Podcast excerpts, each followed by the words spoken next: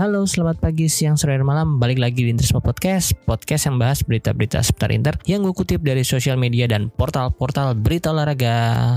Kali ini gue ngetek tanggal 18 Februari jam 11 malam. Uh, mungkin langsung aja gue membahas uh, dua pertandingan Inter yang kemarin hasilnya kurang memuaskan ya. Pertandingan di Serie A melawan Napoli yang harus berakhir dengan skor satu sama dan uh, melawan Liverpool di UCL harus tunduk 0-2 uh, walaupun bermain di Giuseppe Meazza. Lawan Napoli dulu nih, uh, Inter bermain dengan skuad yang agak sebenarnya skuad utama sih cuman minus Bastoni aja yang disuspend karena dianggap mengeluarkan kata-kata kasar kepada wasit ketika pertandingan derby melawan Milan kemarin. Dia diganjar dua pertandingan, cuman katanya lagi banding supaya bisa hanya dilarang bermain satu pertandingan aja. Kemarin Di Marco yang menggantikan posisi Bastoni menjadi starter di posisi LCB. Ya so-so lah Di Marco di situ. Mungkin banyak uh, fans-fans Inter yang nggak suka dengan penampilan Di Marco, cuman ya mungkin itu karena posisinya aja yang kurang maksimal. Dia harusnya bermain sebagai LBB, cuman di Inter lebih sering dipasang sebagai LCB. Di menit ketujuh Inter harus kebobolan dari titik penalti ketika Osimhen dilanggar oleh Stefan De Vrij dan itu pelanggarannya chip banget sih. Memang pelanggaran. Gue akuin memang uh, kakinya ketendang. Cuman harusnya De Vrij nggak melakukan itu lah. Itu hal yang nggak perlu gitu. Nggak perlu menyenggol Osimhen yang nggak balance juga hingga uh, mendapatkan penalti. Sayang aja gitu. Stefan De Vrij memang penampilannya udah agak decline ya untuk beberapa pertandingan di musim ini. Ya semoga aja sebelum dijual. Tabarnya kan musim depan akan dijual sebelum dijual dia masih bisa menampilkan permainan terbaiknya di Inter. Handanovic yang hampir sebenarnya udah ketebak cuman hampir menepis tenangan Lorenzo Insigne di pertandingan lawan Napoli kemarin bermain cukup apik dan menjadi MVP ya menurut gua uh, menurut sempreinter.com juga dia menjadi pemain terbaik dengan nilai 7 karena cukup banyak uh, save-save-nya ya. Kalau kita lihat dari statistik di sini shoot on targetnya Napoli lebih banyak 4 banding 2 shoot, uh, jumlah shoot totalnya 13 banding 8 tapi di possession sebenarnya Inter lebih unggul dengan 53 banding 47 persen. Jumlah passingnya juga Inter lebih banyak pas akurasinya juga lebih bagus. Cuman Inter baru bisa bermain baik di babak kedua memang. Di babak pertama itu hancur banget. Menurut gue sih hancur banget. Dan di babak kedua Inzaghi baru bisa merespon dan hasilnya uh, di menit-menit awal Zeko langsung cetakan gol penyeimbang walaupun dari sudut sempit dan emang agak laki sih itu tendangannya membentur yang sedikit mistar atas gawang sebelum masuk ke gawang Ospina dan sayangnya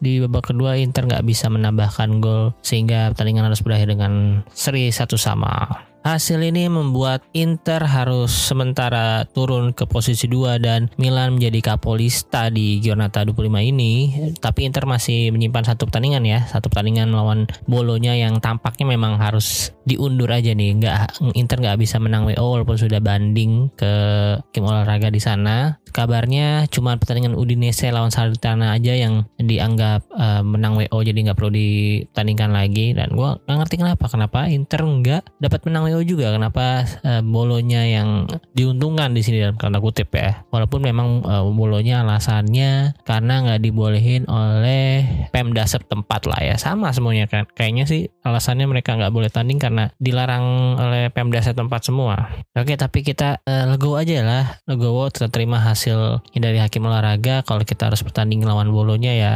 bertandinglah. Gue yakin sih Inter bisa lah harusnya bisa menang dengan meyakinkan melawan Bolonya. Kemudian di laga selanjutnya antara Inter melawan Liverpool yang di pertandingan di Giuseppe Meazza, Inter harus tunduk dengan skor 0-2 melalui gol dari Roberto Firmino di menit 75 dan Mohamed Salah di menit 83 secara statistik di sini juga Inter nggak kalah terlalu jauh ya. Secara shoot on target memang Inter nggak mencetakkan shoot on target sama sekali. Satu shoot Hakan Calhanoglu yang mengenai Mister Gawang itu pun nggak dianggap shoot on target ya sekarang. Ya gue juga ngerti sih yang dianggap shoot on target itu yang mengarah ke kiper aja atau yang kena tiang juga uh, dihitung. Tapi kayaknya sih yang kena tiang nggak dihitung ya. Jadi shoot on target Liverpool di sini dua cuman dua loh. Dua-duanya membuahkan gol. Satu dari sundulan Firmino satu dari tendangan Muhammad Salah. Nah ini udah bukan warning lagi sih emang kita udah udah bisa maklum lah dengan performa Handanovic ya walaupun yang gol pertama sih itu yang gue masih agak gregetan itu gregetan banget tinggal dikit lagi loh itu ketepis tangannya. Aduh agak effort dikit ya tapi nggak apa-apa mungkin udah umur. Cuman itu kalau gue rasa kalau kiper Rodrigo Palacio bisa ketepis itu. Kalau kalian ingat Palacio pernah main jadi kiper ketika melawan Hellas Verona kalau nggak salah waktu itu uh, Handanovic kartu merah dan udah nggak ada jatah substitution lagi jadi Palacio yang harus jadi kiper dan itu dia bisa menepis sundulan siapa gitu. Cuman itu kalau kalian lihat YouTube itu sih keren sih save ya. Dan yang kedua aduh ini bola-bola deflection itu udah bola-bola yang menyusahkan bagi Handanovic sih. Itu kemelut di kotak penalti Inter sehingga salah juga bisa menendang dengan kaki kirinya. Nggak kenceng nggak kenceng. Itu uh, ya pelan lah geser doang gitu. Men deflection kaki Bastoni atau Skriniar ya? Gue lupa deh atau mereka berdua. Dan pokoknya itu deflection pelan aja dan berubah arahnya juga sedikit doang. Itu Handanovic udah bener-bener nggak mau gerak. Aduh sebel banget gue banyak yang bilang memang dengan posisi point blank kayak gitu susah sih. Emang itu juga kehalangan oleh si Skriniar itu juga sih bolanya. Nah karena kehalangan itu dia udah males nggak ada effort. Dan kalau menurut gue sih salahnya bukan karena itu doang. Nggak karena dia nggak mau effort uh, dive atau gimana. Salahnya sih positioning ya kalau kalian lihat replaynya itu dia jauh banget ke near post. Di tengahnya tengah ke far post itu jauh dia jaraknya jadi ya positioningnya harusnya nggak di situ menurut gua. Harus agak ke tengah dikit. Kalau dia agak ke tengah dikit aja bisa kelihatan itu uh, posisi bolanya atau ya seenggaknya kalau kaget-kaget bisa lah ngebuang langsung dengan tendang atau gimana Oke, okay, selain dari target, possession Inter juga kalah tipis. Di sini 54 banding 46. Jumlah passingnya juga beda tipis. Uh, untuk corner, Inter bisa menyimbangi Liverpool nih dengan 7 sama. Ini berarti Inter juga nggak kalah nggak kalah ini ya, nggak kalah ofensif juga. Cuman sayangnya finishing pass atau finishing akhirnya ke gawang itu sangat buruk ya. Udah melewati 3 per 4 lapangan atau di pertahanan Liverpool, passing-passingnya crossingnya itu nggak nggak benar-benar mengarah ke main Inter sendiri. Crossingnya pun nggak ada yang on target. Oh ada sih dari yang Bastoni ke Vidal itu bagus menurut gue eh, kenapa Vidal nggak heading langsung ke gawang aja ya? Dia lebih memilih untuk chest pass ke Lautaro waktu itu. Terus untuk false di sini 10 banding 9 lebih banyak uh, Inter. Terus yellow card nggak ada dari kedua tim masing-masing. Ini uh, gue juga suka sih dengan wasit kemarin ya. Jadi mereka dia nggak terlalu lembek gitu. Kalau ada fall fall yang memang fall tapi bolanya masih uh, advantage ke yang memegang possession dia masih lebih sering melanjutkan permainan gitu. Jadi kepemimpinan wasit kemarin gue akuin cukup oke okay sih. Saya berimbang lah. Terus kalau gue baca dari pembahasan dari ruang taktik ya di Twitter ada at ruang taktik. Dia juga punya YouTube-nya jadi kalian bisa ke sana untuk membahas atau mendengarkan pembahasan-pembahasan yang lebih detail dari beberapa pertandingan pilihan. Nah kebetulan Inter lawan Liverpool kemarin dibahas oleh mereka. Dalam threadnya mereka mereka menulis kalau Inter dan Liverpool sama-sama menggunakan high pressing uh, garis tinggi tapi dengan mekanisme yang berbeda. High press Inter menggunakan main marking 3-2 block press, depan akan main marking 2 CB dan 3 midfielder. Fullback dibiarkan kosong namun trigger press akan jalan jika bola sudah berada di sisi tertentu. Wingback akan naik untuk press. Nah, di sini uh, peran Alisson sangat bagus dalam build up ya, tapi sifatnya terbatas karena riskan uh, seorang kiper terlalu lama memegang bola bola, tapi kehadirannya cukup membuat eh, Liverpool bisa memindahkan arah serangan dengan baik. Sementara untuk high press Liverpool lebih narrow atau lebih rapat, jarak antar lini juga rapat sehingga garis pertahanan naik akan tinggi. Ini perbedaan uh, antara high press Inter dan Liverpool. Meski sama-sama high press, garis pertahanan Liverpool lebih tinggi dan melakukan high press dengan 3-3, sementara Inter 2-3 atau 3-2 kemarin ya. Fullback akan press wingback dan mekanismenya seperti pendulum. Kiri press maka akan akan mundur. Jadi ganti-gantian kalau yang kiri uh, boleh berarti kiri yang kanan agak mundur yang kalau kanan uh, kiri akan mundur. Satu lagi Liverpool juga sering memanfaatkan offset trap. Ini beresiko sih sebenarnya cuman uh, mereka lebih rapih gitu. Jadi Inter sampai tiga kali kemarin kejebak offset trapnya. Salah satunya yang Vidal ke Zeko tuh kalau misalnya nggak offset itu waduh udah loncat-loncat juga Zeko golin ke gawang Alisson. Karena tadi mekanismenya sangat uh, mengandalkan fullbacknya untuk ngepres uh, Inter ya. Jadi mereka banyak uh, lini yang bisa diekspos sebenarnya. Kadang-kadang misalnya si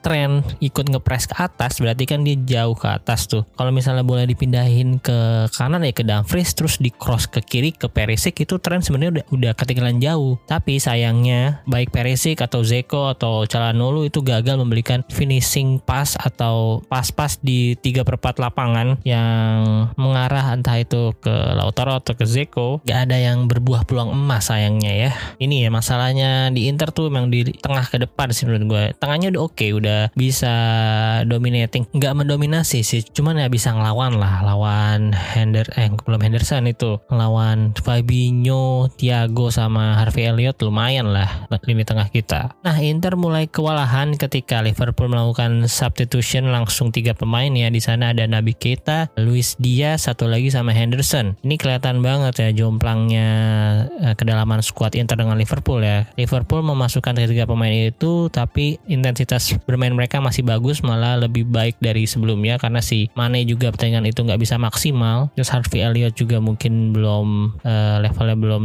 terlalu baik untuk pertandingan UCL. Terlihat langsung Luis Diaz beberapa kali merepotkan pertahanan Inter, merepotkan Skriniar juga cuman ya masih bisa di handle lah ya.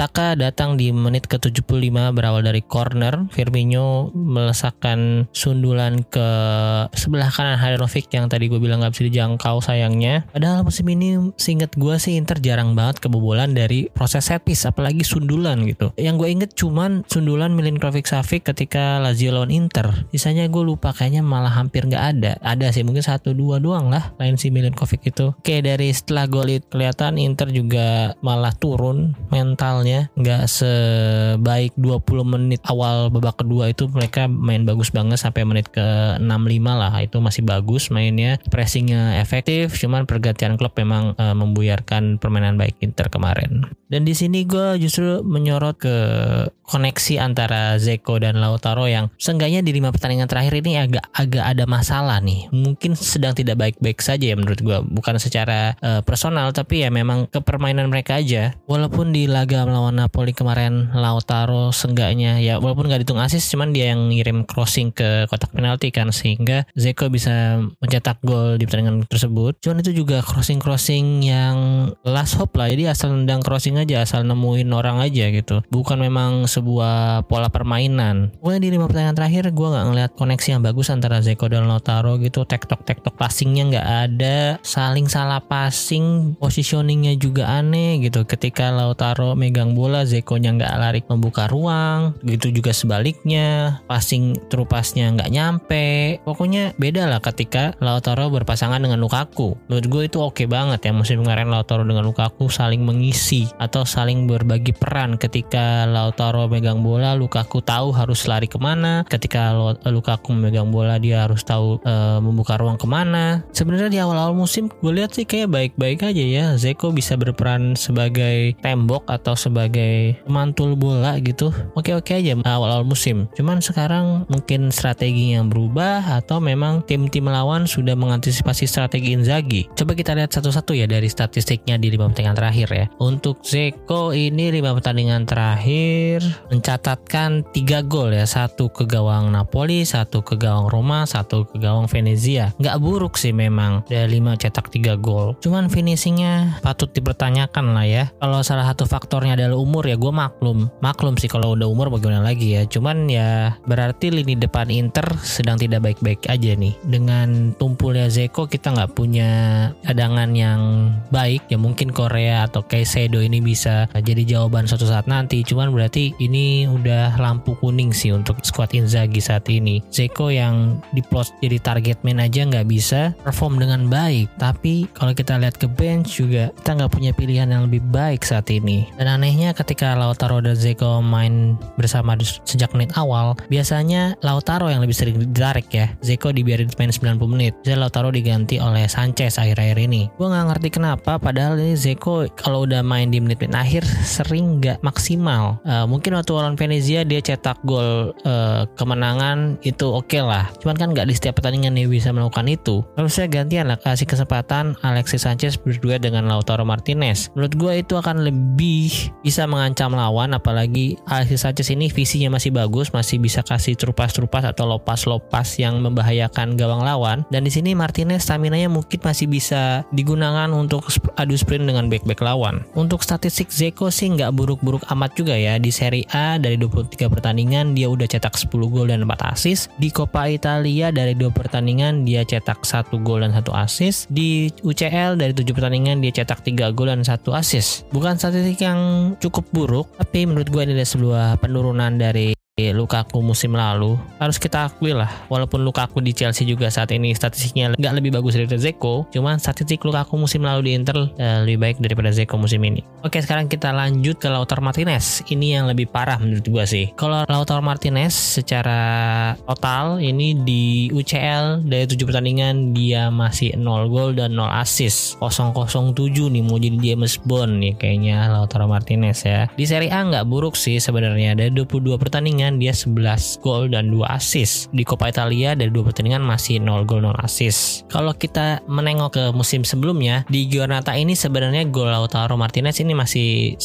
sesuai ya dengan timeline-nya ya. Maksudnya di Giornata 25 di musim kemarin Martinez juga golnya masih 11. Nah, jadi masih oke okay kalau kita bandingkan dengan musim lalu. Tapi musim lalu selain cetak gol, jumlahnya kan dari 30 pertandingan dia bisa cetak 17 gol dan 10 assist. Nah, musim ini kelihatan banget kan Martinez kayaknya produktivitasnya menurun dari segi kolektivitas memberikan asis kepada teman-temannya. Salah satunya pasti lebih seringnya ke Lukaku musim kemarin. Terus beberapa kali juga ke Hakimi gua rasa ya. Hakimi juga sangat mengancam di sisi kanan. Itu juga bisa jadi salah satu faktor kenapa uh, Martinez dan Lukaku bisa bermain bagus musim lalu. Kalau dari lima tandingan terakhirnya Sanchez sama sekali tidak bisa mencetakkan satu gol gol pun atau satu assist pun. Ini udah eh, lampu kuning nyaris ke lampu merah ini sih menurut gue ya. Ini ya, perlu ada penyesuaian strategi atau memang lecutan dari manajemen terutama dari pelatih untuk Lautaro Martinez. Atau memang kira-kira Inzaghi perlu eh, mencari strategi yang tepat untuk Martinez? Ya menurut gue sih itu lumrah-lumrah aja ya. Karena musim lalu pun Conte itu sebenarnya atau strategi Conte itu sangat mendukung atau mensupport Lukaku gitu. Makanya Lukaku bisa bermain bagus selama dipegang Conte beda dengan dipegang Tuchel sekarang. Nah sekarang tinggal gimana caranya Inzaghi menemukan strategi itu tapi tetap dengan keseimbangan tim gitu loh. Terakhir Lautaro Martinez ini cetak gol di Super Copa melawan Juventus tanggal 12 Januari kemarin. Kalau di Serie A malah terakhir itu tahun lalu tanggal 17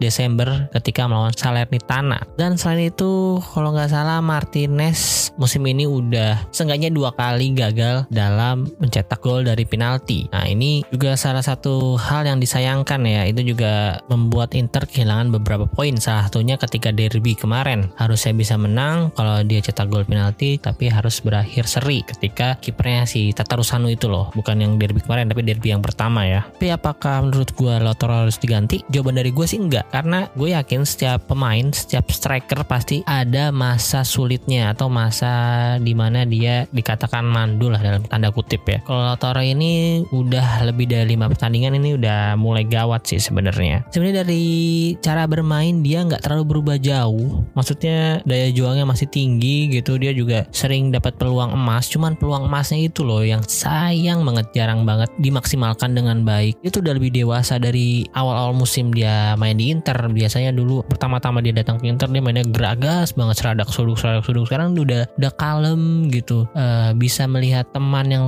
lebih terbuka nggak langsung tendang ke gawang aja. Nah sekarang ini dia udah lebih baik sebenarnya. Cuman memang Dewi Fortuna belum datang menghampiri di beberapa pertanyaan terakhirnya. Menurut gue sih nggak fair lah kalau beberapa dari fans itu langsung ngamuk-ngamuk marah-marah ke Martinez dan mengharapkan dia dijual. Musim lalu ketika dia main bagus ketika dia perform Martinez dipuja-puja gitu. Harganya mahal terus dia di dikabarkan diincar Barcelona, diincar Manchester City, Arsenal. Kita nggak mau dia lepas ke mereka. Sekarang giliran dia main buruk, harusnya kita nggak langsung ngejudge dia atau menginginkan dia dijual mumpung harganya masih mahal gitu. Gua rasa sih dia masih harus dikasih kesempatan hingga akhir musim ini lah ya seenggaknya. Dan menurut gua bukan murni kesalahan Martinez sih. Ya memang ada satu dua faktor lah ya. Mungkin itu partnernya atau strateginya atau memang ya sesimpel emang lagi bau aja akhir-akhir ini lagi apes gitu. Tapi kalau dibilang koneksi Martinez dan Zeko akhir-akhir ini lagi bermasalah atau sedang tidak baik-baik saja, gue mengaku itu itu mungkin benar. Cuman dari strategi ya. Semoga aja ya dari strategi bukan dari personal. Jangan sampai ada uh, selek-selekan lagi nih. Entah itu kayak Icardi Perisic, kayak Icardi Osvaldo atau kayak siapa pun itu, ya jangan sampai sih ada masalah intrik-intrik internal lagi ya yang sifatnya masalah pribadi gitu. Jangan sampai sih. Semoga aja enggak lah ya.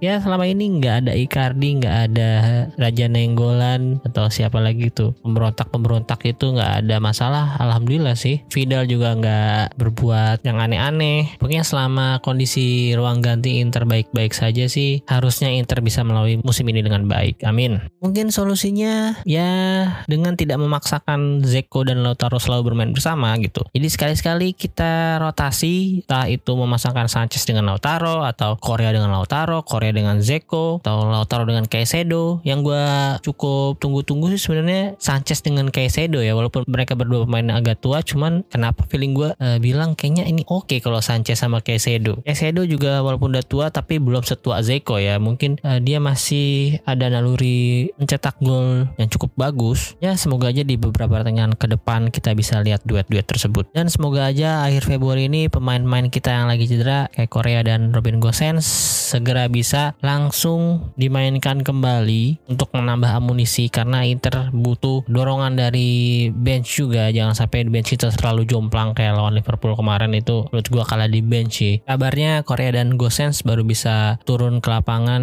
di paling cepat pertandingan antara Inter lawan Genoa tanggal 26 Februari. Lawan Sassuolo besok tampaknya masih belum mau dipaksakan ya. Dan ngomong-ngomong Sassuolo hari Senin pagi jam 00.00 Inter akan melawan Sassuolo di Giuseppe Meazza. Kali ini tiga poin itu wajib hukumnya nggak bisa seri atau apalagi kalah. Dan Inter juga lagi mengusahakan banding agar Bastoni bisa bermain lawan Sassuolo besok karena cederanya juga udah pulih kan ya. Tapi tampaknya kalau si Bastoni masih di suspend yang main mengisi posisinya adalah Federico Di Marco. Selain itu karena performa The Fridge yang lagi turun mungkin Skriniar akan mengisi posisi tengah dan kanannya uh, D'Ambrosio yang main. Ini gue lihat perakhiran informasinya berdasarkan gazeta.it ya. Untuk tengahnya karena Brozovic suspend juga mungkin yang ngisi adalah Nicolo Barella terus di kanan Vidal di kirinya Calhanoglu. Dua wingbacknya masih tetap Dumfries dengan Ivan Perisic. Nah untuk strikernya menurut Gazeta yang akan turun yaitu Sanchez dan Lautaro dari menit pertama. Dan di sisi Sassuolo mereka juga cukup bermain dengan full tim ya dengan full kekuatan full gitu. Di kiper tetap ada Konsili di backnya mereka menggunakan 4 back yaitu di kanan ada Muldur tengahnya Striches dan Aihan kirinya ada Rogerio. Tengahnya ada Fratesi dan Lopez yang bermain di DMF atau CMF kemudian AMF-nya ada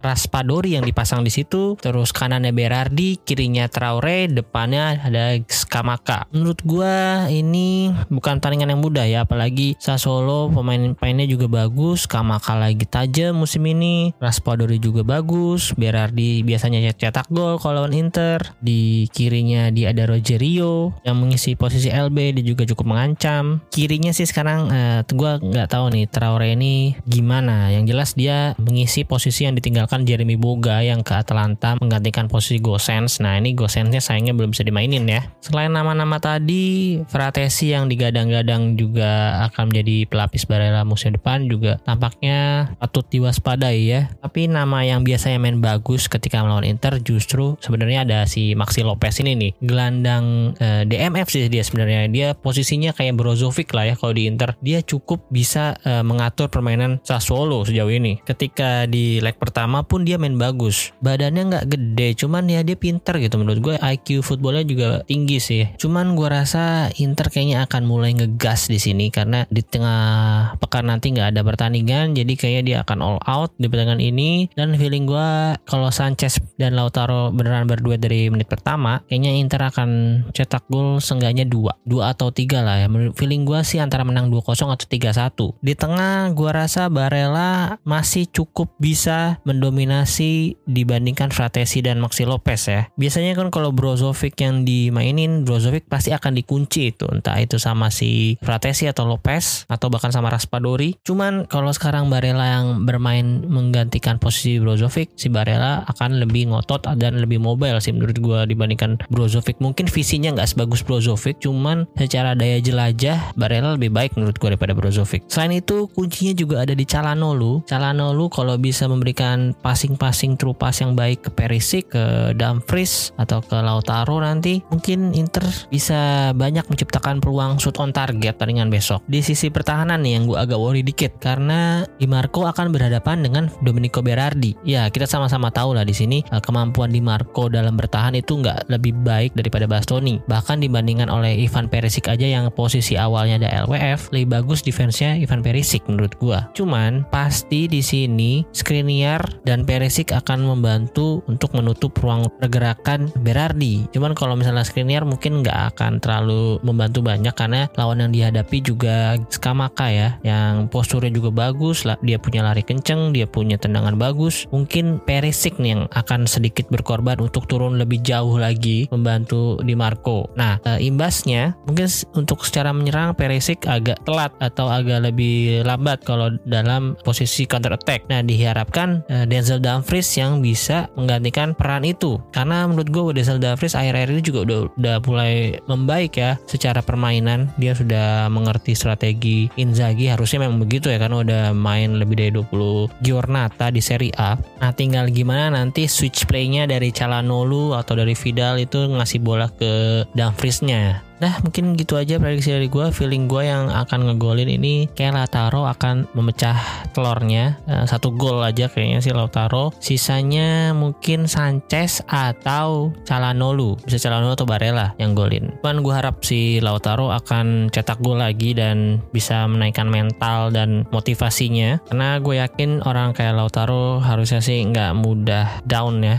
Dia justru malah kayaknya makin lebih membara gitu. Cuman gue harap sih nggak sampai terlalu emosi ya. Maksudnya emosi itu terbawa emosi pengen cepet-cepet ngegolin atau pengen harus ngegolin gitu. Semoga dia tetap bermain dengan sesuai perannya gitu. Dan situasional juga kalau memang ada teman yang lebih terbuka ruangnya ya dia harus passing. Jangan main shoot shoot aja oh, karena ngincer atau nafsu pengen ngegolin Sebelum gue menutup podcast hari ini, mungkin ada sedikit berita dulu nih dari bursa transfer. Selain Gianluca Skamaka, terus Dybala, terus Raspadori kemarin sempat juga kan. Kali ini ada berita BP Marota juga sudah mulai menganalisis atau men-scouting lebih serius tentang Jonathan David, striker dari Los Lille. Kalau nggak salah kebangsaannya itu Kanada ya. Kabarnya dia juga menjadi salah satu incaran Inter untuk mengisi posisi striker musim depan. Dan ya karena Lautaro akhir-akhir ini sedang tidak main bagus ya langsung ada gosip aja dari media-media ini kalau Lautaro akan dilepas di bursa transfer musim panas nanti. Selain Lautaro ada Sanchez juga. Ya gue harap ini cuma gosip-gosip aja lah ya. Saya namanya media kalau misalnya ada gorengan ya pasti akan digoreng. Gue sih pengennya musim depan melihat duet Dybala dan Lautaro. Kalau Sanchez dilepas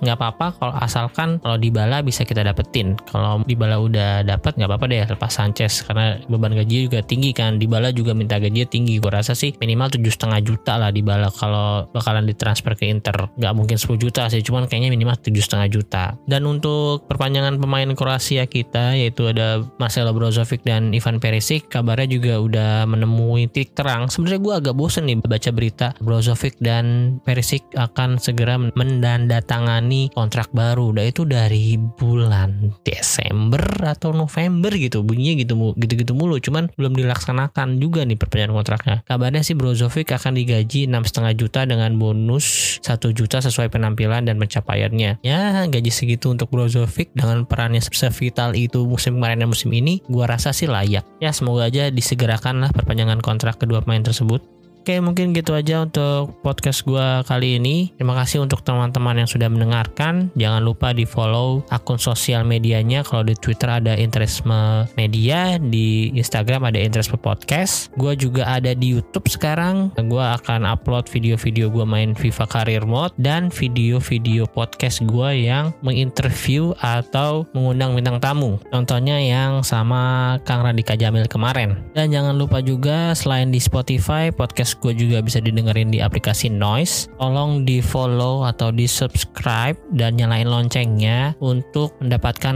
notifikasi langsung jika ada episode baru dari Interisme Podcast. Oke, sekali lagi terima kasih. Arrivederci, Forza Inter.